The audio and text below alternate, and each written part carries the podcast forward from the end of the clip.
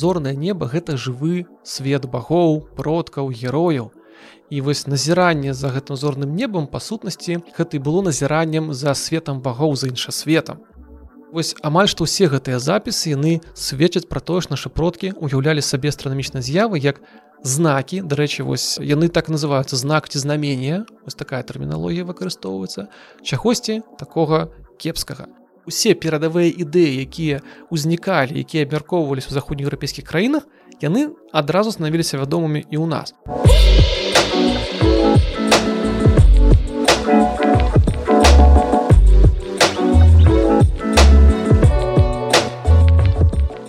Добры дзень шаноўнае гаспадарства з вами падкаст так склалася гістарычна і я дзягель Ганна Сёння у нас вельмі цікавая тэма, вельмі цікавае абмеркаванне з ужо вядомым вам госцем з міцером скварчэўскім з міцера вітаю. Прывітанне усім і у нас класная нагода таму што у зміцера выйшла кніга і пра гэту кнігу мы сёння пагаворым зміцер расскажитеце ласка што гэта за кніга? Найперш трэба назваць назву кнігі. Кніга называется навука звяздарская астраномію вялікім княз літоўскім у 14-17 стагоддзях і як ужо не цяжка здагадацца з назвы кніга прысвечана тэме астраноміі касмалогіі поглядам наших продкаў на неба на сусвет вось якраз у часы сярэднявечча. А як так склалася што вы зацікавіліся гэтай тэмай і да яе звярнуліся ў сваіх даследаваннях? Так склалася гістарычна гэта да можна дакладна адказаць. Увогуле тэмай космоса зорак я цікаюся з дзяцінства.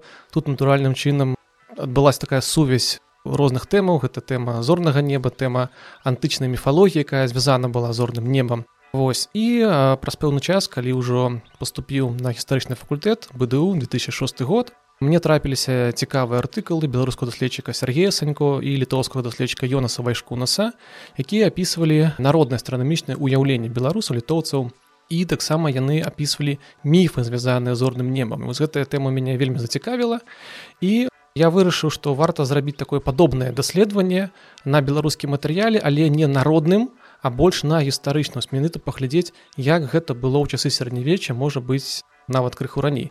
І па сутнасці уже пачынаючы з другога курса спісаў курсавыя па гэтай тэме.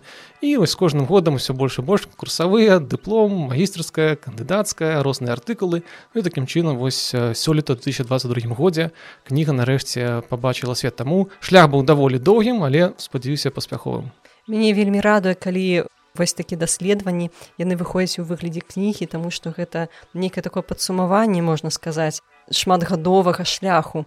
І гэта адна з тэмаў пра які я хочу расказваць у падкастах таму калі вось кніга выйшла мне адразу захацелася запісаць пра гэты падкаст. Але мне такое пытанне а скажыце кала ласка па якіх крыніцах можна даследаваць можна даведвацца пра уяўленне пра зоры пра касмалогію гістарычнай крыніцы для многіх тэмаў нашай гісторыі часам бывае гэта праблема. Ці іх няма ці іх вельмі мала ці недастаткова ці менш чым нам хацелася б. І вось тэма астраномія адна з такіх тэмаў. То бок з аднаго боку крыніцы ёсць але хацелася б канешне больш. Крыніцы яны раскіданыя і тут зноў такі яны як бы ёсць але канешне трэба больш уважліва іх збіраць разам. Розныя крыніцы і вось па кніжцы хто чытаў ці будзе чытаць можете заўважыць якраз вось асноўныя крыніцы напрыклад вось летапісы хронікі великкаго княства літоўскага яны апісваюць ты астранамічныя з'явы якія людзі назіралі да там у 15 16 17 стагоддзях. Але таксама розныя згадкі пра астранамічныя з'явы яны захаваліся ў мемуарнай літаратуры там 16 17 стагоддзяў. Ёсць нават у царкоўных творах. Таксама ёсць рознага кшталту артефакты. Гэта сярэднявечныя календары вось гэта розныя выявы на іканаграфіі гэта мініяцюры напрыклад того ж радзівілскага летапіса ёсць мініяцюры з выявамі нябесных з'яў і вось гэта ў кніжцы таксама разглядаю.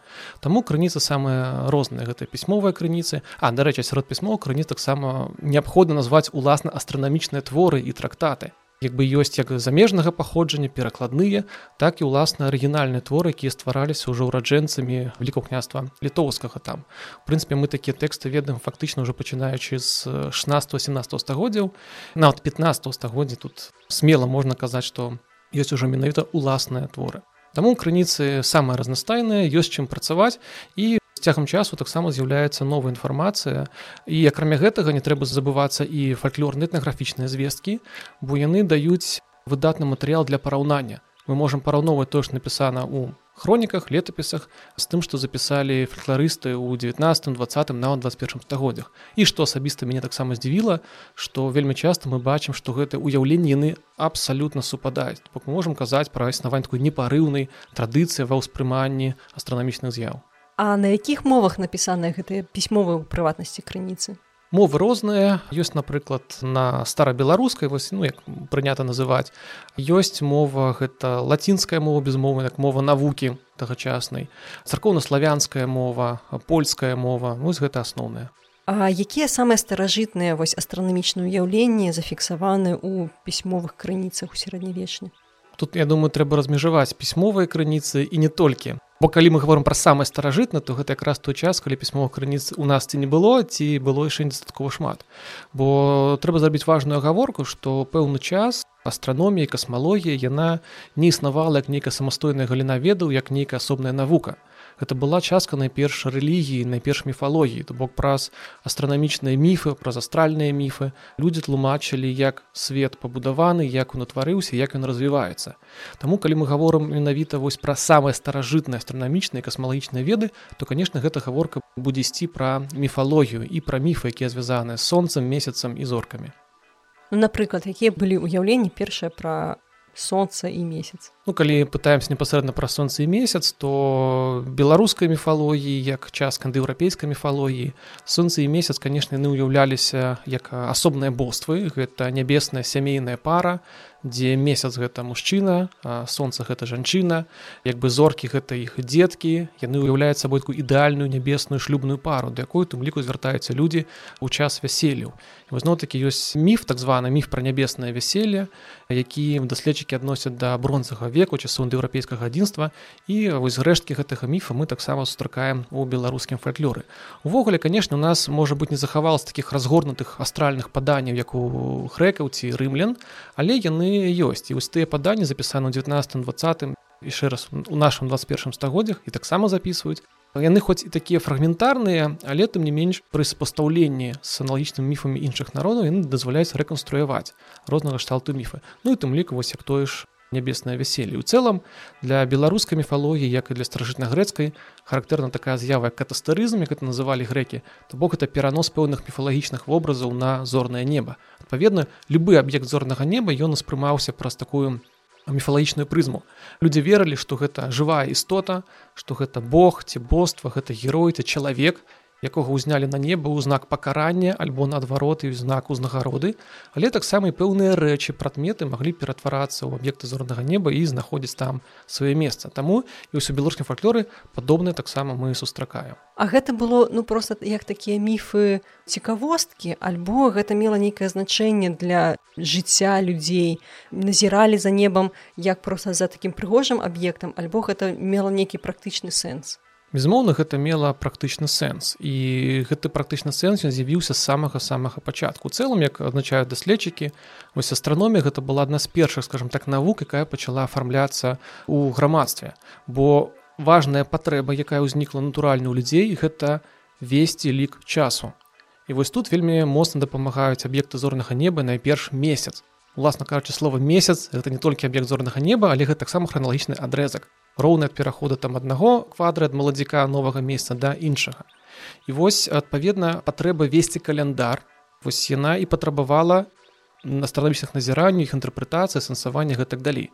Але ж мы ведаем календар бывае таксама розны першы гэта гаспадарчы календар і натуральна без гэтага жыць немагчыма да, і чалавек выбудову сваю працу адпаведнасці з гэтымі цыкламі найперш месяцоўмі потым ужо сонечнымі. Другая важная патрэба гэта сакральны календар, гэта святы, гэта рэлігійная патрэба. І яна не менш была важна, а часам можа нават і больш важна, чым гаспадарчая дзейнасць. І таксама вось многія святы яны маглі скажем так святкавацца ў залежнасці ад становішча свяцілу на небе. Ну самы такі напэўна вядомы прыклад гэта вось святы прымеркаваныя да дзён сонцастаянню і раўнадзенства, такія як асноўныя гадавыя кропкі. Акрамя гэтага важны момант гэта арыентаванне ў прасторы для зноў такі гаспадарчай нейкай гандлёвай ваеннай дзейнасці да і ў прынцыпе побытавай. Трэба схадзіць у госці там да суседзяў на іншае гарадзішча ну трэба ведаць куды ісці. Таксама тут зоркі дапамагалі. І куды ісці і лічыць час ну якось там па гадзінах ну напрыклад і безумоўна канешне гэтыя веды былі важны для зноў-такі асэнсавання наваколля што ўвогуле адбываецца як з гэтым звязана. Празорнае неба таксама варажылі. Ну гэта ўсё звязана з тымі рэлігійнымі філагічнымі уяўленнямі Таму канешне гэта патрабавала ведаў і можам нават казаць меркаваць што існавалі нават і спецыялісты ў гэтай галіне якія адказвалі за назіранне за зорным небам. А што гэта за спецыялісты? Ну канешне гэта не былі астраномы як сучасныя навукоўцы але мы можам меркаваць што пэўныя катэгорыі паганскіх жрацоў святароў яны займаліся прафесійна скажем назіраннямі зазорным небам і інтэрпрэтацыі тых знакаў нябесных якія яны бачылі. І адпаведна гэта ж самыя жрацы яны і вялі вось той сакральны ну і таксама гаспадарчы каляндар. Тут цікавыя згадкі нават у часы вКл мы бачым згадку пра вядомага святара ліздзейку які вось параіў гедеміну пабудаваць вільню. Вось і згадваецца што калі ліздзейку знайшлі вось яго прывялі на великакняцкі двор і менавіта пры великакняцкім двары ён навучыўся звездарству бок гэта паказвае што астранамічныя веды выкладаліся пры двары. Ну хутчэй за ўсё гэта гаворка ідзе што выкладалася у меж гэтай паганскай іерархіі. Святары старэйшыя вучылі малодшых. І натуральна што вось гэтыя веды потым ему спатрэбіліся ўжо такім ну у прафесійнай сферы. І таксама можам прыгадаць такі тэрмін які сустракаецца ў старабеларускай мове гэта звяздар гэтым тэрмінам пазначалі астраномаў і астролагаў але зноў-такі можам меркаваць што першапачаткова гэты тэрмін звяздар ён мог адносіць да пэўнай катэгорыі паганскіх святароў якія вось адказвалі за варажбу паводле нябесных свяцілаў ну і назірання за зорным небам. Вось мы так плаўна нейкім чынам перайшлі ад я так разумею да хрысціянскіх уяўленняў паганскіх і перакінулі такі мосцік да велика княства літоўскага. А вось наколькі доўга захоўваліся гэтыя менавіта паганскія ўяўленні ўжо ў хрысціянскі час у час вяліка княства літоўскага. Тут адразу трэба разумець чым цікава час великого княства літоўскага што ў гэты перыяд суіснавалі развіваліся разам паралельна часам конечно канфліктуючы розныя рэлігіі розныя канфесіі. Гэта і хрысціянства і паганства. Гэта хрысціянства розных канфесій праваслаўе і каталіцтва. Таму гэта не была такая закрытая сістэма як бы гэта ўжо веды ўяўленні сістэмы светапоглядаў яны перасякаліся і нейкім чынам узаемадзейнічалі. Аднак тут вельмі важны канешне момант. Кропка храналагічна гэта канец 14 стагоддзя 1387 год як бы афіцыйны акт хросту літвы. І вось да гэтага моманту безумоўна вось гэтая паганская астранамічная міфалагічная традыцыя на існавала існавала добра захоўвалася ў межах паганскай іерархіі адпаведна калі інстытуцыі паганскія зніклі то і гэтыя веды яны таксама знікаюць у такім на арганізаваным узроўні.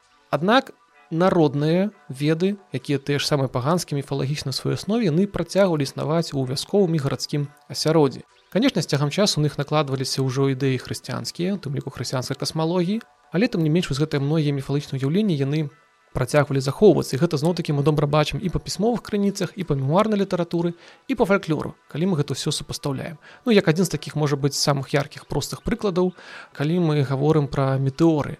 І тэрмін які меторы пазначаюцца як у летапісах так і у фальклоры у двадцатым стагоддзі гэта змей. Бок змей вогнены змей летучы змей. Вось так людзі асэнсоўвалі вось гэту з'яву як падзенне метэора і вот якраз той прыклад калі мы бачым што інстытуцыі паганскай ніякай няма але гэтыя вобразы звязаны з небам з космосам яны захоўваліся надалей. Аказаліся вельмі устойлівымі так даволі трываламі канешне. І нават у наш час зноў-такі ў экспедыцыях падобныя ўяўленні яны фіксуюцца. Такім чынам у нас атрымліваецца нейкі такі перыяд у вяліка княста літоўскага, калі вельмі шмат ну, не вельмі прынамсі тры розныя традыцыі суіснавалі. А што тычыцца хрысціянства, што там адбывалася, Таму што як бы сёння так астралогія ў хрысціянскай традыцыі яна лічыцца ну, нельга варажыць, нельга верыць у знакі задыяка гэтыя. Але у сярэднія вякі ці прымала ці ўспрымала хрысціянства астраномію астралогію вось гэтыя веды пра неба тут таксама трэба адразу такую гаворку рабіць што і хрысціянства ж не было аднародным існавалі розныя канфесіі і ў межах гэтых канфесій таксама існавалі свае пэўныя традыцыі і погляды на астраномію на астралогію. Хаця у цэлым калі скажем так ісці да вытокаў то хрысціянства на ранніх этапах не дужа ухваляла астраномію і астралогію бо гэта было натуральна бо гэтая навука звездарская яна мела відавочна паганскія карані. Мы бачым што назвы аб'ектаў зорнага неба яны маюць паганскія назвы на імёны багоў герояў. Таму канешне фактычна чалавек які займаецца вось астраноміці астралогіі ён так ці інакш ён фактычна заклікае гэтых паганскіх багоў называе іх па імёнах. І канешне ну гэта было непрымальна з хрысціянскага пункту гледжання. І не дзіўна што вось заняткі астраноміі астралогіі яны былі роўныя чараўніцтву валхваванню. І вось асабліва праваславнай традыцыі мы бачым дакладныя там забароны вось гэтых заняткаў. Але канешне царква не магла заставацца ў баку ад развіцця навукі развіцця продазнаўчых поглядаў. Зноў такі гэта было бы мольна прагматычным момантам. І для хрысціянскай царквы было вельмі важна назіраць за зорным небам па якой прычыне таксама самае проста гэта календар трэба было весці календар найперш вылічваць час пасхі асноўнае свята.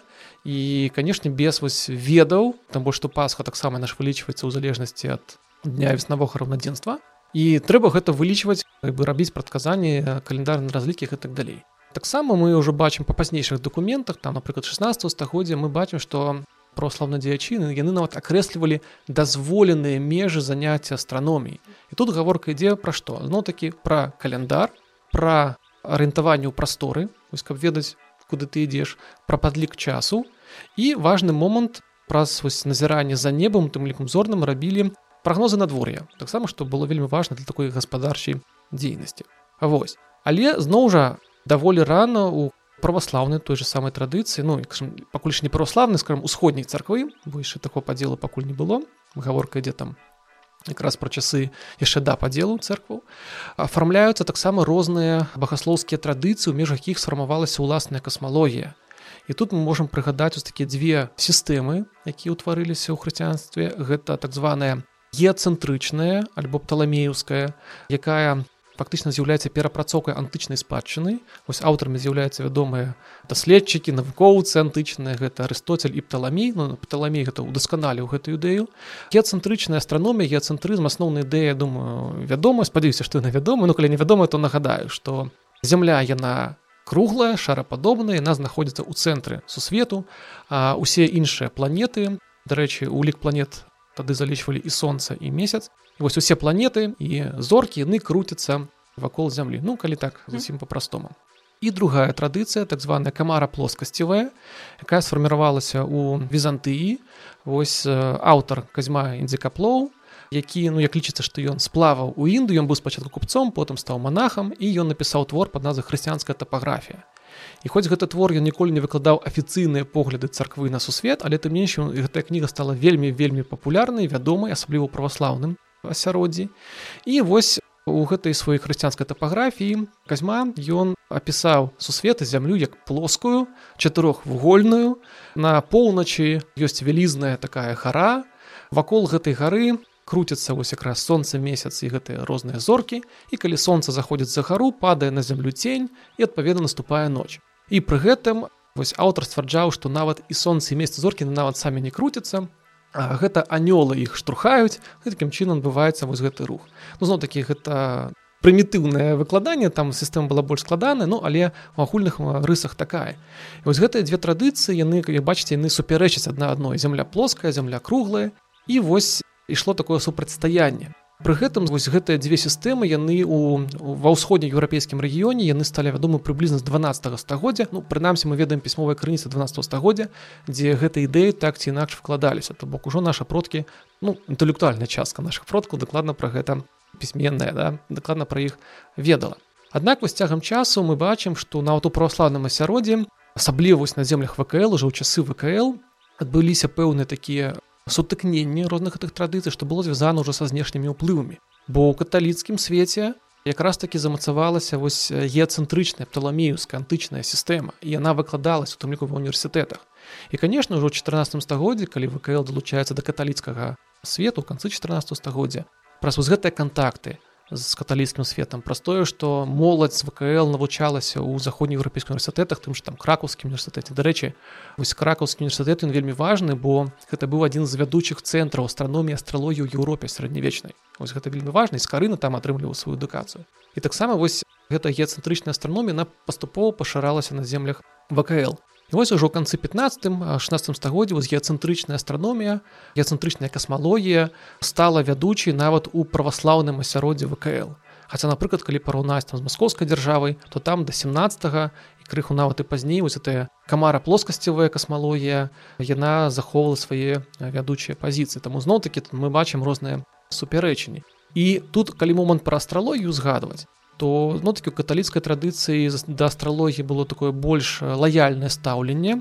Шмат у чым гэта было звязана зно-такі з універсітэцкім рухам бо астралогія она разглядалась не толькі як такая як варажба пэўнае прадказанне але астралогія была вельмі важная ў медыцыне. Ось заняткі лекара астролага яны звычайны не супадалі аб'ядноўваліся. І канешне астролог это была важная персона пры великкапняцкім двары пры каралевскім двары калі там гаворам пра рэч паспаліты ўжо потым. Ну і бо заходнееўрапейскіх дварах таксама. Таму конечно да таких персон ставіліся з павагай вось і астралогію не забаранялі. Ну і прынамсі вось па вКл мы бачым што зноў такі таких забаронаў як на забарону літаратуры астралагічных гэта было напрыклад у Москве мы такога не назіраем. А які момант з'явілася сучаснае уяўленне збудаванні свету? Ну прыватнасці геліяцэнтрычная ідэя збудавання свету калі яна з'явілася ў вялікім княстве літоўскім Тут канешне абавязкова варта прыгадаць імя мікалая каперніка які ўласна і прыдумаў гэту новую ідэю новую касмалогію Да яна гэта ідэя была вядома ў вКл прычым тут таксама вельмі цікава што вось геліяцэнтрычная касмалогія вось гэтая мадэль сусвету новая яна стала вядома амаль адразу пасля яе з'яўлення. Зноў такі тут справа ў тым што вучень каперніка рэцык вось ён дапамагаў свайму настаўніку ў выданні кнігі. І вядома што ён жа потым служыў пры двары жагемонта августа і вось захаваўся вопіс бібліятэкі жагемонта августа сярод розных кніг дзе таксама былі розная астранамічная літаратура. Мы бачым што захоўваўся і асобнік кнігі каперніка дзе выкладалася гэтая новая тэорыя. Таму мы бачым што вось вельмі вельмі рана трапляе. Але канешне вось новая ідэя каперніка яна не была прынята ў каталіцкім свеце не ў праваслаўным свеце. Яна была вядома але не больш за то як бы абмяркоўвалася але ўсё ж таки папулярнасць яна набывае значна значна пазней ну а зацвердзілася на землях вКл тура каперніка толькі ўжо апошняй чвэрці 18 стагоддзя ўжо па выніках вось рэформа адукацыйнай камісіі калі ў падручніках па фізіцы вось ктора капернік ужо выкладалася як адзіна верная адзіная правільная слухайте а ці можна адрозніць для сярэднявечча паняцце астралогія і астраномія па сутнасці гэта вельмі вельмі складана зрабіць і часам бывае немагчыма размежаваць. Хаця вось калі прыгадаць той ж кракаўскі універсітэт 15 стагоддзі існавала кафедра астраноміі, а потым у тым жа 15 стагоддзе яна была так рэарганізавана ў кафедру астраноміі і астралогіі. То бок вось мы бачым ужо ну, людзі разумелі, што розніца ёсць. Канешне, гэта размежаванне ўжо было вязана з тым, што паступова навуковыя веды астранамічна ўжо ў больш сучасным сэнсе гэтага слова яны набывалі моц да, як бы людзі назапашвалі новыя веды. І астраномія канешне ўжо пачала разглядацца такі тэарэтычны навуковы накірунак. Астралогія яна па-ранейшаму разглядалася як больш практычны накірунак і больш звязана з асабістым да, жыццём чалавека. Гэта лекаванне гэта пытанне звязана там з нараджэннем шлюбам ну і гэтак далей. І тут ужо канешне менш гаворкі ішло пра навуковыя інструменты Вось. Ну і вось такім чынам паступова гэта размежаванне адбывалася. Але калі мы глядзім па ВКЛ непасрэдна, то мы бачым, што даволі працяглы час астраномія астралогіі амаль ніяк не размяжоўвалася. Па сутнасці толькі калі з'яўляецца езуіцкая сістэма адукацыі, там ужо да мы ўжо можам бачыць, што ёсць разуменне, што астраномія астралогіі гэта розныя з'явы, розныя рэчы. Таму вось як бы сказаў што недзе вось да конца 16 стагоддзя гэта больш-менш так э, змешвалася асабліва ў масавай свядомасці.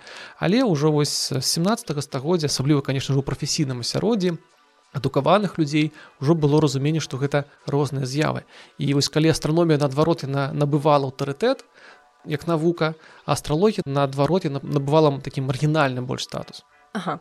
А давайте паговорым як інтэрпрэтавалі які былі ўяўленні у нашых продкаў пра канкрэтныя астранамічныя з'явы. Ну вось мы ўжо паміналі пра метэарыты што гэта змей а можа нейкія яшчэ былі ўяўленні пра метэарыты напрыклад? Безумоўна былі іх дастаткова шмат. Асабліва калі мы глядзім ужо на фальклорны пласт. Але калі вяртацца да гістарычнага то таксама хапала розных уяўленняў зноў жа тут варта адразу таксама падкрэсліць пэўную розніцу паміж такім паганскім міфалагічным успрыманнем зорнага неба і хрысціянскім. Вось калі для міфалогіі для паганства зорнае неба гэта жывы свет багоў продкаў герояў. І вось назіранне за гэтым зорным небам па сутнасці гэта і было назіраннем за светом багоў за іншасветам і вось гэта дынамічна зорнага неба бо мы бачым што як бы вось неба таксама яно ж круціцца да вось цягам ночы што сузор'е змяняе сваю канфігурацыю там праляцеў метэор там штосьці яшчэ.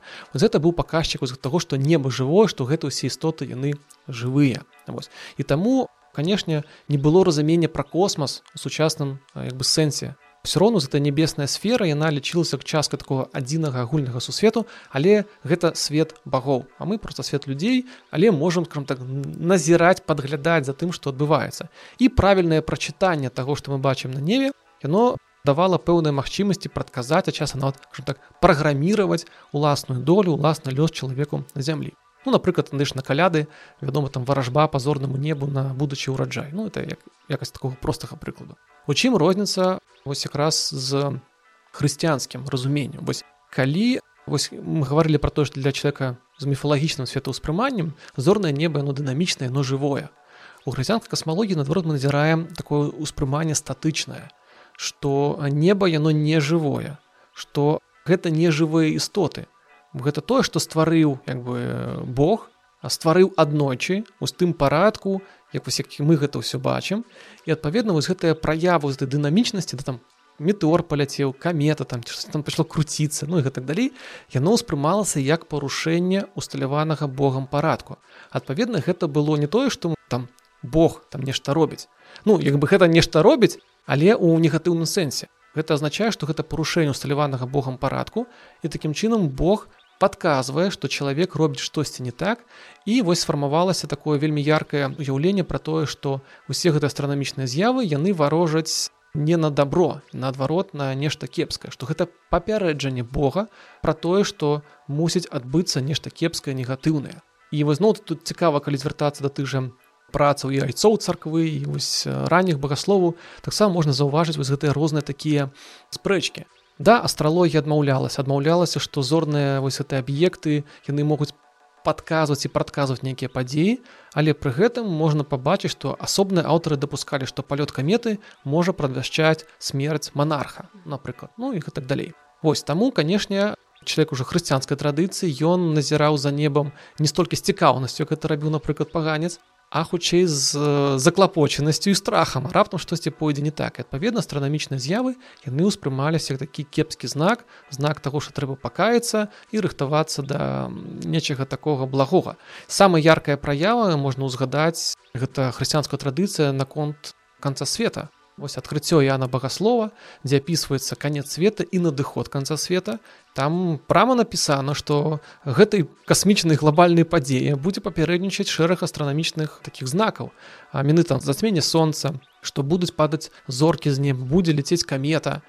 І людзі канешне калі на гэта глядзелі яны чакалі што штосьці тут калі не канец света але ўсё роўна нешта такое будзе кепскае.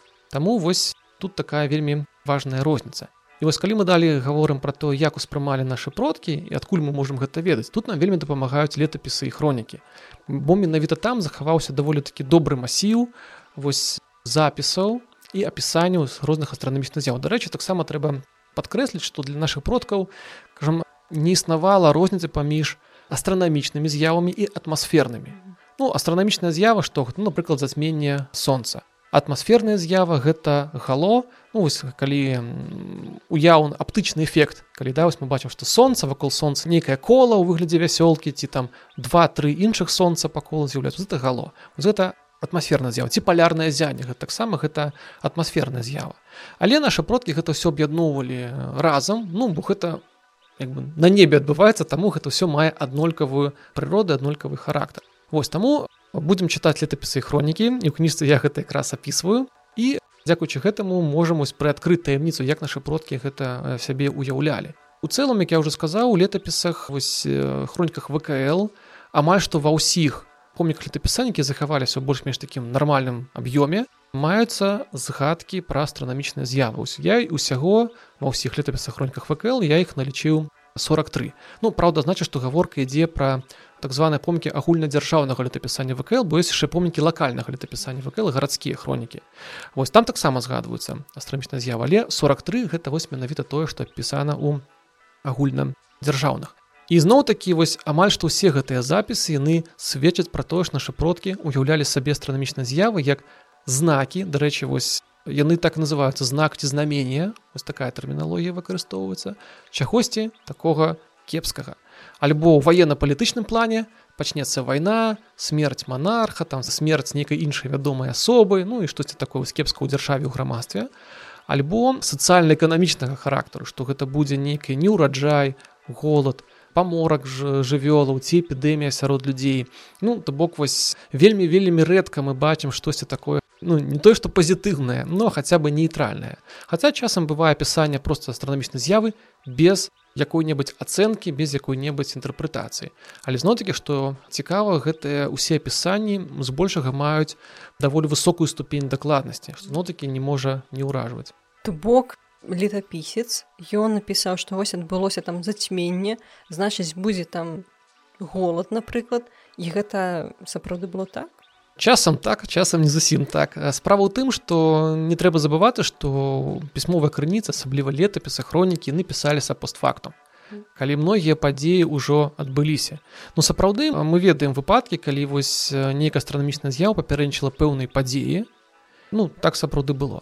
Але нерэдкія і такія выпадкі калі летапісец свядома парушаў скажем так храналогію і аб'ядноўваў нейкую падзею з нейкім астранамічным знакам які адбыўся не тое што да гэтай падзеі часам бывае што астранамічная падзея магла адбыцца пасля але ўсё роўна скажем так летапісец мог крыху перакруціць храналогію каб ну даказаць чытачу што ну вось сапраўды Бог папярэджваў пра тую ці іншую з'яву. Таму тут часам трэба быць вельмі асцярожным. Канешне апісанне страмічных з'яў гэта для гісторыкаў выдатны інструмент часам для дакладнага датавання той іншай падзеі але зноў жа не варта забывацца пра гэтую спецыфіку што ствараліся пастфактум і маглі прыцягваць за вушы да умоўна вось тую іншую падзею. І таму храналогія могла блытацца Аднак зноў такі вось дзякуючы сучасным сродкам камп'ютарным сродкам праграмам да астранамічным мы можемм праверыць. Зно такі ў сваёй кніжцы я і правяраю праз вось камп'ютарныя праграмы ці сапраўды назіраліся ты астранамічныя з'явы якія апісаны ў летапісанні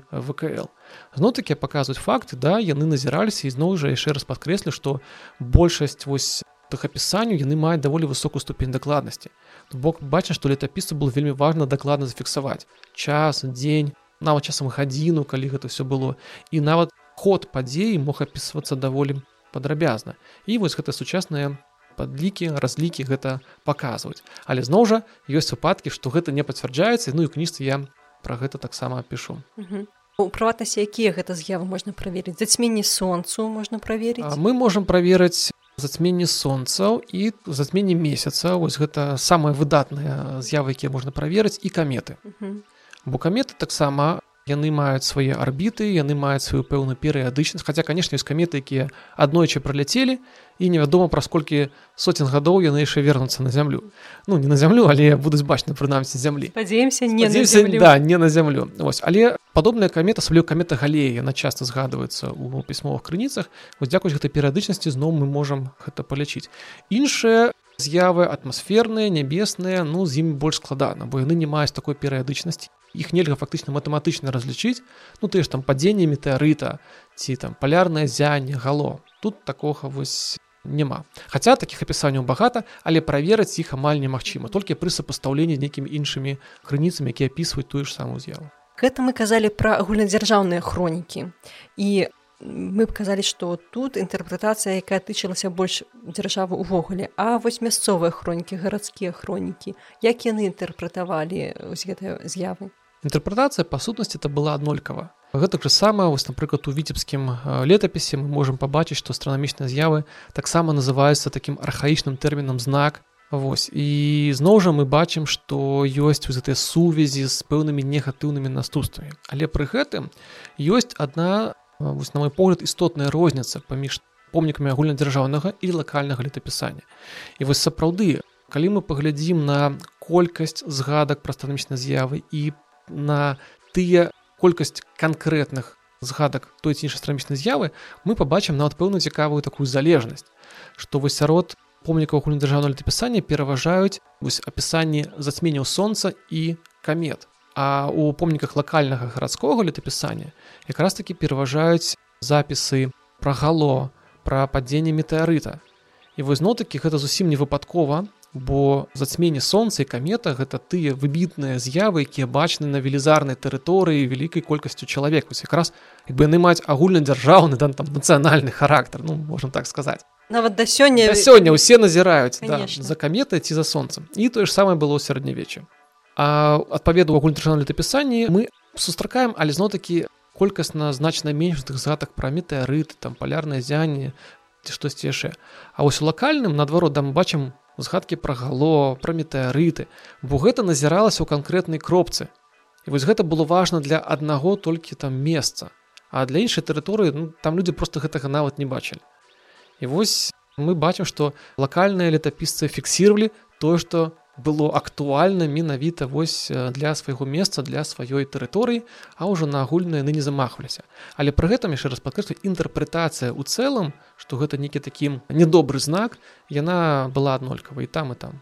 А ці ёсць у нас крыніцы якія мелі выявы гэтых з'яваў? І як можна пазнаць вось гэтыя з'явы калі мы пабачым такія крыніцы Ну, самом пачатку размовы я згадваў што ёсць розныя крыніцы у тым ліку выяўленча і тут асноўнае месца належыць радзівілускаму летапісу які утрымлівае там каля шасці соцен разнастайных мініяцюр якія паказваюць розныя бакі жыцця вось чалавека вось 15 стагоддзя але радыс летапіс ён самы значны але не адзіная выяўленчая крыніца. Напрыклад падобныя вось выявы неба зорнага неба нябесных аб'ектаў страміцца з'яў таксама з часам струкаюцца ў іканаграфіі. Напрыклад ж віфлеемская зорка па сутнасці яна нагадвае камету ну ёсць інтэрпрэтацыя што гэта нібыта камета ну гэта асобная тэма ну але там не менш вось мы па гэтых іканаграфічных сюжэтах мы бачым вось выявы нябесных знакаў ці напрыклад вось папулярны сюжэт іканаграфіі вось распяцця Хрыста можна пабачыць зацьменне там сонца ці сонца і месяц па абодва бакі ад крыжа ну і гэтак далей ж календары пра якія я згадваю маюць выявы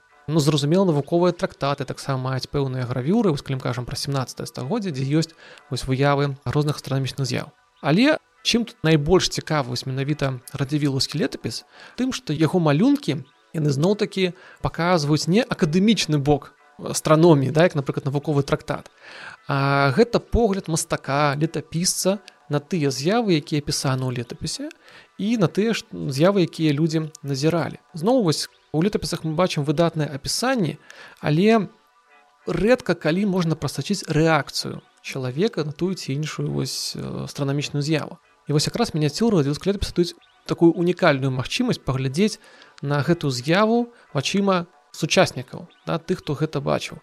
Па-першае што мы бачым? Што на ўсіх міняцюрах радзіўскую летапіса дзе ёсць выява некай нябеснай з'явы прысутнічаюць людзі што яшчэ раз падкрэслівае што у свядомасці сярэднявечнага чалавека тое што адбываецца на небе тое ж самае адбываецца на зямлі гэта ўсё як бы ўзаемазвязана вось гэта нябесныя падзеі яны ўплываюць на жыццё чалавека і канешне бачна што мастак ён амаль даслоўна паўтараў з летапісцам яго словы толькі не словамі але вось мастацкімі вобразамі бок тое што апісана на старонках летапіса мастак ён дакладна стараўся перадаць бок ён мінімальна прыдумляў ад сябе Але вось для мяне асабіста, што было вельмі цікава вось прасачыць, гэта вось рэакцыі людзей, якія намаляваны на гэтых мініяцюрах. І вось тут вось вельмі цікава. Мы бачым, што гэта рэакцыя розная.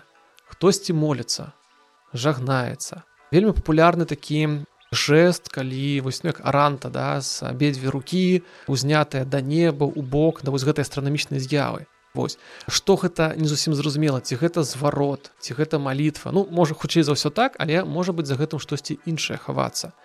І пры гэтым ёсць іншыя жэсты. Мы бачым што человек там паказвае пальцам да рукой у накірунак гэта з'ява то бок ён прыцягвае увагу да таго што адбываецца. І вельмі цікавы такія групавыя кампазіцыі дзе шмат людзей назіраюць і бачыш хтосьці моляцца хтосьці паказвае а іншыя стаяць і абмяркоўваюць паміж сабой гэта бачна вось як бы па паваротах галавы вось па позах. То бок мы бачым што людзі баяліся таго што яны бачылі але пры гэтым шчыра іх цікавіла тое што яны бачылі і яны ну не маглі не абмеркаваць паміж сабой А што гэта значыць што гэта прадказвае і таксама ёсць одна такая цікавая мініяцюра напэўна адзіны выпадак калі мастак дазволіў сабе творча крыху падысці ён недаслоўна перадаў слов летапісца а дадаў нейкія свае такія новыя рысы а менавіта ёсць одна мініяцюра якая паказвае зацьменне сонца і под гэтым зацьменем намаляваны людзі якія трымаюць нейкія скруткі штосьці там чытаюць. На гэтай старонцы летапіса гэтыя людзі са скруткамі ну ніяк не згадваюцца. І зноў жа вельмі цікава, хто гэтыя людзі. Магчыма, гэта якраз такі былі адны з першых так, так спецыялістаў, можа быць яшчэ не зусім астраномы, але тыя, хто мог інтэрпрэтаваць. Вось гэтую з'яву. Мы ведаем, што калі ствараўся радзіласкі летапіс, гэта час, калі ўжо мелі хаджэнне пэўныя астранамічныя трактаты, тым ліку кеблі звязаны з прадказаннямі зацьменняў сонца. Таму вось ну маё такое меркаванне што можа быць гэта тыя самыя людзі чытаюць той самы твор які прысвечаны зацьменню сонца. І вось калі б не было у нас таких мініяцюр конечно нічога мы гэтага не маглі б даведацца. Да часам у летапісах ёсць згадкі што было страшно калі там ляцела камета. Але ну одно справа прачытаць іншая справа канешне паглядзець. Таму вось ну такі разумеючы што чытачам гэта цікава у маёй кніжцы я сабраў усе мініяцюры дзе ёсць вось выявы неба нябесных з'яў ну каб таксама чытач мог гэта паглядзець. Уласна кажучы давайте перайдзем да раздзелу кнігі. Мы пра кнігу цяпер гаворам пра з'яўленне навуковых ведаў астранамічных. Таму што вось гэта якое стагоддзе атрымліваецца ўжо? 17 не зусім. Но такі будзем ісці да вытокаў да? Так. ну калі мы уже гаворым пра навуковую астраномію то мы можемм некалькі таких перыяду да там этапаў вылучыць. Что гэта да навуковы перыяд вось я яго вылучаю па сутнасці вось да 15 стагоддзя перад навуковы перыяд это якраз таки 15 і до конца 16 стагоддзя. І уласна навуковы перыяд мы уже можемм адлічваць з конца 16 пачатку 17 стагоддзя. І вось навуковая астраномія хоць гэта перыяд ужо ад 17 стагоддзя але яна зараджаецца на наших землях менавіта вось у гэты пераднавуковы перыяд. І гэта найперш канешне 15 стагоддзя ввогуле што паўплывала вось на з'яўленне навуковай астраноміі і распаўсюджванне на наших землях. Першы фактор про які я ўжо згадваў гэта канешне вось гэты контакты заходнееўрапейскім светам. Это тое што моладзь не толькі моладзь але найперш моладзь атрымала магчымасць вучыцца ў заходнееўрапейскіх універсітэтах каталіцкіх і дзе ўжо выкладалася астраномія з больш навуковых пазіцый. Ну у нас яно ў прынцыпе ніяк не выкладалася на той час. Гэта першы момант. А другі момант ён звязаны ўжо не з каталіцкай традыцыі а наадварот з праваслаўнай а менавіта з тым што праваслаўны свет чакаў у 15 стагоддзе менавіта ў 1492 годзе чакаў надыход канца свету. І зноў-такі мы згадваем пра тое што паводле кананічных твораў вось канцу света павінны папярэднічаць пэўныя нябесныя знакі там і зацьмене сонца і камета. Таму натуральна людзі пачалі надаваць гэтым нябесным з'явам вельмі вялікую увагу асабліва калі скажем так час пераваліў ужо за там сярэдзіну 15 стагоддзя чым бліжэй до 1492 года тым больш быў гэты непакой заклапочанасць і цікаўнасць да таго што адбываецца. Ну і тут не трэба забывацца што тая ж самая пасхалія она была разлічана толькі да гэтага года. Бо лічылася што няма сэнсу вылічваць надалей пасхалію бо просто ўжо света не будзе існаваць. І вось тут вельмі такі цікавы момант як пачынае сябе паводзіць грамадства зноў жа на жаль ось нас не хапае пакуль гэтых крыніц каб дакладна даведацца з чаго гэта ўсё пачалося але мы бачым што з'яўляецца група людзей якая пачала сцвярджаць што канца света ў гэты год не будзе. Што ўсё гэта скажем ну памылкова. І у доказ дакажы да? чаму так? Пачынаць якраз прыводзіць вось матэматычныя навуковыя разлікі якія былі звязаны з той же самай пасхалі якія былі звязаны з прадказаннямі зацьменю сонца і месяца. Бо аргумент што будзе канец свету гэта той што будзе нейкае такое сонечнае зацьменне Але вось якраз з гэтага прыхільніка такого рацыяналістычнага погляда яны пачалі казаць так гэта не можа быць ну я так зараз ну умоўна перакладаю гутарку да зразумела у крыніцах такое не напісана але ну гэта можем так уяўляць што прыклад так і было. Засмене сонца можна прадказаць матэматычна і яны пачынаюць рабіць гэтыя прадказанні. Зноў жа вось гэтая выява мініяцюры пра кое згаду што нейкія людзі са скруткамі пад засменнем сонца вось яна вельмі цікавая што можа быць яна і паказвае ну, з гэтых інтэлектуалаў якія з'явіліся пачалі аспрэчваць канец света. Вось і увогуле з'яўляецца такі цікавы рух які вядома ў літаратуры як ерась жыдоўствуючых даволі цікавая такая культурная з'ява. Канешне у можа быць больш яна вядома як такі ну еретычны хаця зноў такі еретычны гэта з пункту гледжання маскоўскага праваслаўя на землях вКл гэта рух еретычным не лічыўся некай забароны не існавала некай забароны літаратуры вось гэтых жыдоўствуючых не было смяротных пакаранняў не было спаленняў кніг не было. Таму вось ну маем на ўвазе што гэта погляд суседзяў на гэтую з'яву. Ну і суседзі таксама прама казалі што гэты ўсе яны прыехалі з літвы і вось адтуль прыйшла гэтая ерась. Але тым не менш мы бачым што ўтвараецца з гэтыя супольнасці. Дакладна бачым у кіеве пры двары князяў алелькавічаў з'яўляецца першы такі гурток. І мяркуецца што ў вільні таксама існаваў такі гурток. Вось якраз інтэлектуалаў перакладчыкаў. Яны займаліся перакладамі у тым ліку з яўрэйскай мовы некаторыя з іх відаць і самі з'яўляліся еўрэямі ну і таму прынцыпе не відаць а дакладна з'яўляліся некаторыя з іх еўрэямі ну і таму вось гэта ерась атрымала назву ерасі жыдоўствуючых да па этнічным паходжанні і сярод той літаратуры якую перакладалі таксама самі пісалі самі стваралі жыдоўствуючыя. Ёсць філасофскія трактаты ёсць пераклады біблейскіх тэкстаў але і таксама ёсць пераклады ўжо матэматычнай і астранамічнай і астралагічнай літаратуры. Ну так і пераклады і уласныя творы. І вось сярод гэтых твораў варта узгадаць два асноўных. Гэта касмаграфія. Па сутнасці гэта такой пераказ ецэнтрычнай касмалогіі якая была вядома ўжо заходнееўрапейскім каталіцкім свеце. І вось праз гэтую касмаграфію такі быў тэарэтычны курс астраноміі сярод нашага насельніцтва пачало распаўсюджвацца з гэтай ідэі геацэнтрычнай касмалогіі астраноміі яна пачынае выціскаць з гэтую камара плоскасцевую ідэю. І ўрэшце рэд геацэнтрычная астраномія як я ўжо казаў яна перамагла ў вКл у праваслаўным асяроддзе праваслаўна дзеячы сталі прытрымлівацца вось гэтай ідэі. В той час як той же самой Маскве да 17 стагоддзя вось гэта камара плоскасцевая касмалогія на захоўвала свае пазіцыі вядучыя. І другі вельмі важны твор так званы шасцікрыл. Гэта якраз 6 табліц для разліку сонечных зацменяў і каментарыяў да іх.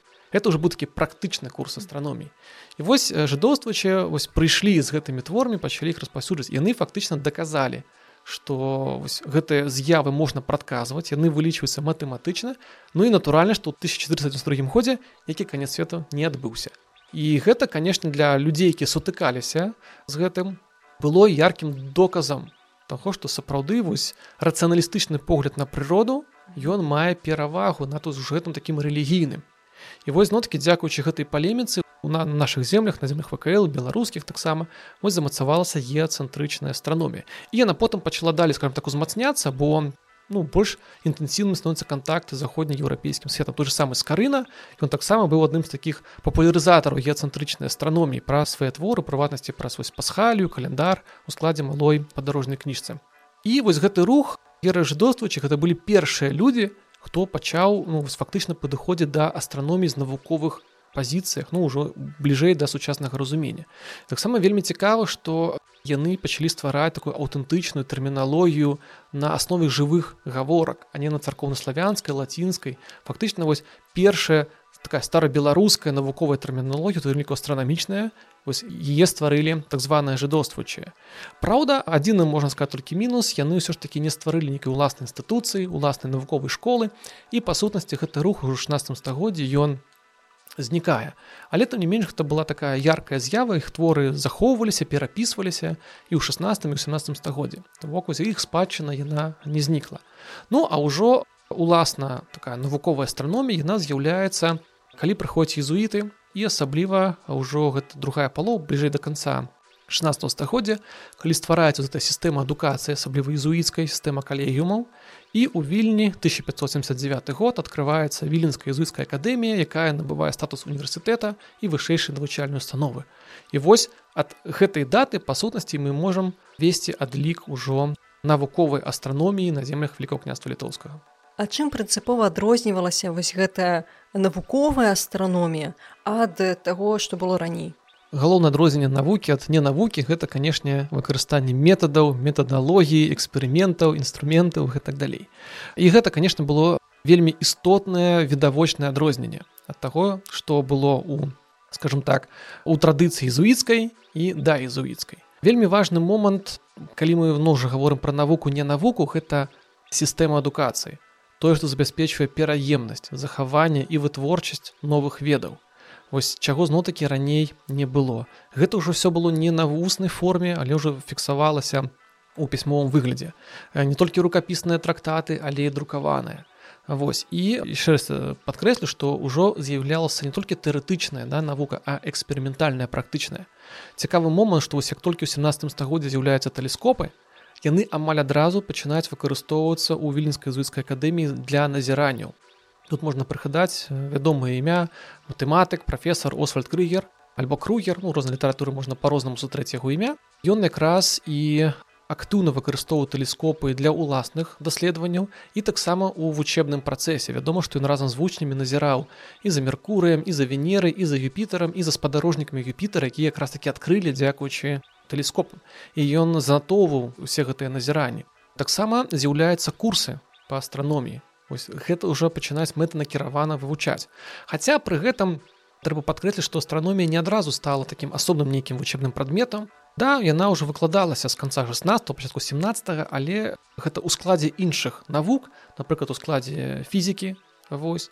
І толькі больш-менш самастойна курс астраноміі фіксуецца ў 10 з 30-х гадоў 17 стагоддзя. У прынцыпе, як на мой погляд, 30-40 гады 17 стагоддзя гэта ўжо час, калі уласна у ВКЛ склалася навуковая школа навуковай астраноміі. Ну найперш, канешне, дзякуючы Освальду крыгеру, але і яго ананімным папярэднікам. Бо, напрыклад, захаваўся ананімны рукапіс курс лекцый у віленскай ізуцкай акадэміі 1603 года. На жаль, аўтара не ведаем, Але твор сам захаваўся ён паказвае што в прынцыпе курсы выкладаўся поўны тагачаснай навуковым узроўні заходнееўрапейскім тыповым. Вось і бачна што студэнты знаёміліся вельмі шырока з астраноміі тут вельмі цікава таксама узгадаць таго ж каперніка як я ўжо сказаў. Да яго тэорыя на землях ВКЛ была вядома яна не была прынята але была вядома. І тут што цікава не толькі вось гэты ананімны курс пачатку 17 стагоддзя але і іншыя трактаты астранамічныя нам паказваюць што тэорыя каперніка вывучалася у вільні але вывучалася вельмі цікава як крытыкавалі. Але праз вось гэтую крытыку вучні студэнты ўсё роўна знаёміліся з гэтай новай ідэі Вось выкладалась таксама геацэнтрычная астраномія но яна была якраз прынятая адзіная правільная скажем так. Ну але капернік хоць і крытыкаваўся але яго ведалі. Зноў гэта важны момант такі варта падкрэсліць. Бо вось некаторыя даследчыкі часам раней пісалі пра тое што тэорыя каперніка не была прынята і пра яе не ведалі. Вось можна пахадзіць часткова. Не была прынята але ж ведалі бо кожны трактат мае згадку пра каперніка. Больш за тое ёсць вось у гэтых рукапісах курсах лекцый ёсць нават малюнкі які апісваюць сістэму каперніка дзе там не зямля ў цэнтру свету а наадварот сонца. І таксама трэба ўзгадаць яшчэ одну цікавую касмалогію дацкага астранома ціха брага які хоць і быў выдатным матэматыкам выдатным астраномам які дарэчы даказаў што камета гэта вось асобнае нябеснае цело а не выпарэнне зямлі калісьці гэта лічыў арыстоцель але там не менш ціхабрагі ён не прыняў тэорыю каперніка і праўда ён бачыў што матэматычныя разлікі яны то правільныя і тады ён вырашыў неяк так сумясціць абедзве вось ідэі і стварыў там умоўна кажучы кампрамісную мадэль касмалагічную паміж вось геацэнтрычнай пталамея і каперніка Вось калі коротко яе пісаць як бы ён ціхабрага сцвярджаў што зямля ўсё ж таки у цэнтры свету. Вось. Але вакол зямлі круціцца сонца і месяц Аднак усе астатнія планеты круцца не вакол зямлі вакол сонца ён такі кампраміс зрабіў ізноў такі мы бачым па пісьмовых крыніцах віленскай зускай акадэміі што гэтую тэорыю таксама вучні вывучалі яна таксама не была прынята крытыкавалася вось ну але зноў жа ведаю бок бачу што ўсе перадавыя ідэі якія ўзнікалі якія абмяркоўваліся ў заходнееўрапейскіх краінах яны адразу станавіліся вядомымі і ў нас. Ну зноў жа гэта дзякуючы езуіцкай сістэме. Бо гэта была адзіная сістэма адзіная навуковая таксама перавага той што выкладалі тым ліку іншаземныя замежныя прафесары. Таму канешне вось моладзь ВКЛ яна магла знаёміцца з гэтымі ідэямі адразу тут. І вільнская зуская акадэмія на выконвала яшчэ вельмі такую важную функцію не толькі адукацыйную але шырокую асветніцкую функцыю. Тут цікава можна ўзгадаць што ў друкарні віленскай акадэміі выходзілі не толькі навуковыя трактаты але спецыяльныя творы скажем так для шырокага кола чытачоў і вось захаваўся адзін цікавы такі палемічны твор які тлумачыў людзям пра сапраўдную прыроду сонечных зацьменняў што не трэба гэтага баяцца гэта натуральная з'ява прыроды. А чаму з'явіўся гэты твор? Справа тым што 1654 год калі прагназавалася гэтае сонечнае зацьменне ананімны аўтар які зрабіў прадказанне што па выніках гэтага зацьмення будуць катастрафічныя змены ў дзяржаве знікне манархіі гэтак далей так далей. Натуральна тут за гэта ўжо можна пабачыць і палітычныя нейкія матывы і відавочна езуіты пачынаюць змагацца з гэтымі ідэямі. Дарэчы што цікава трактат быў надрукаваны па-польску а не на лаціне для таго зноў каб большасць людзей магла з ім азнаёміцца І вось там тлумачылі, што гэта звычайна зацьменне сонца нічога там такога не будзе. Але па іроніі лёсу пачынаецца вайна, якая вядома 13гадовая ці невядомая вайна. Якраз такі вось у гэты ж самы год. І праз год 1655 год 8 жніўня расійскае войска заняла вільню і віленская зуская акадэмія на пэўны час прыпыніла сваю дзейнасць і тут атрымалася так што казалі што нічога не будзе ніякай вайны не будзе манархія не знікне але сталіца аказалася захопленай самі зуіты вымушаны былі хто загінуў хто ўцякаў ну на жаль не ведаем пра лёс аўтара гэтай брашуры ананімнай ну спадзяемся што ён все ж таки выжыў потым вярнуўся ўжо пасля вайны ўжо 70 гады 17 стагоддзя акадэмія аднавіла сваю працу але вось матэматычна астранамічныя навукі па сутнасці былі ўжо ў заняпадзе і вось мы бачым што за навуковая астраномія даволі кароткі час. Ось яна развівалася дасягнулася го такого пэўнага піку у першай палове 17 стагоддзя ну найбольш ярку 30 сороквыя гады і ўжо толькі ў сярэдзіне 18 стагоддзя калі была адкрыта абсерваторыя пры віленскай акадэміі ось пачынаецца новы этап ужо ў развіцці навуковай астраноміі у вКл рэчы паспалітай але зно такі ён працягнуўся не так шмат бо дзяржава ў канцы 18 стагоддзя спыняе сваё існаванне. Ну аднак это ўжо іншая гісторыя про якую я не пішу бо яна ўжо была больш вядомая чым тое як развівалася астраномія ў 14 17 стагоддзях Дзякуй вялікі зміцер вельмі цікава. Я хочу дадаць што сёння мы абмеркавалі толькі малую частку тых тэмаў і тых цікавых фактаў якія ёсць у кнігі шаноўныя слухачы у апісанні гэтага падкасту будуць спасылкі на артыкулы зміцера якія таксама можна будзе пачытаць. Шчыры дзякую што прыйшліся не расказалі пра кнігу. Дзякуй вялікі за запрашэнне за магчымасць распавесці пра кнігу і не толькі пра кнігу ввогуле пра гэтую цікавую тэму. А я хочу падзякаваць усім подписчикам, усім слухачам, усім спонсорам на платформе Patreon, якія дапамагаюць ствараць новы контент з новымі цікавымі аўтарамі і гісторыкамі Беларусі. Я вас заклікаю расказаць пра гэты выпуск сябрам, дасылаць яго знаёмым і незнаёмым, ставіць падабайкі, ставіць водгукі там, дзе вы слухаеце і да новых сустрэч. Thank you.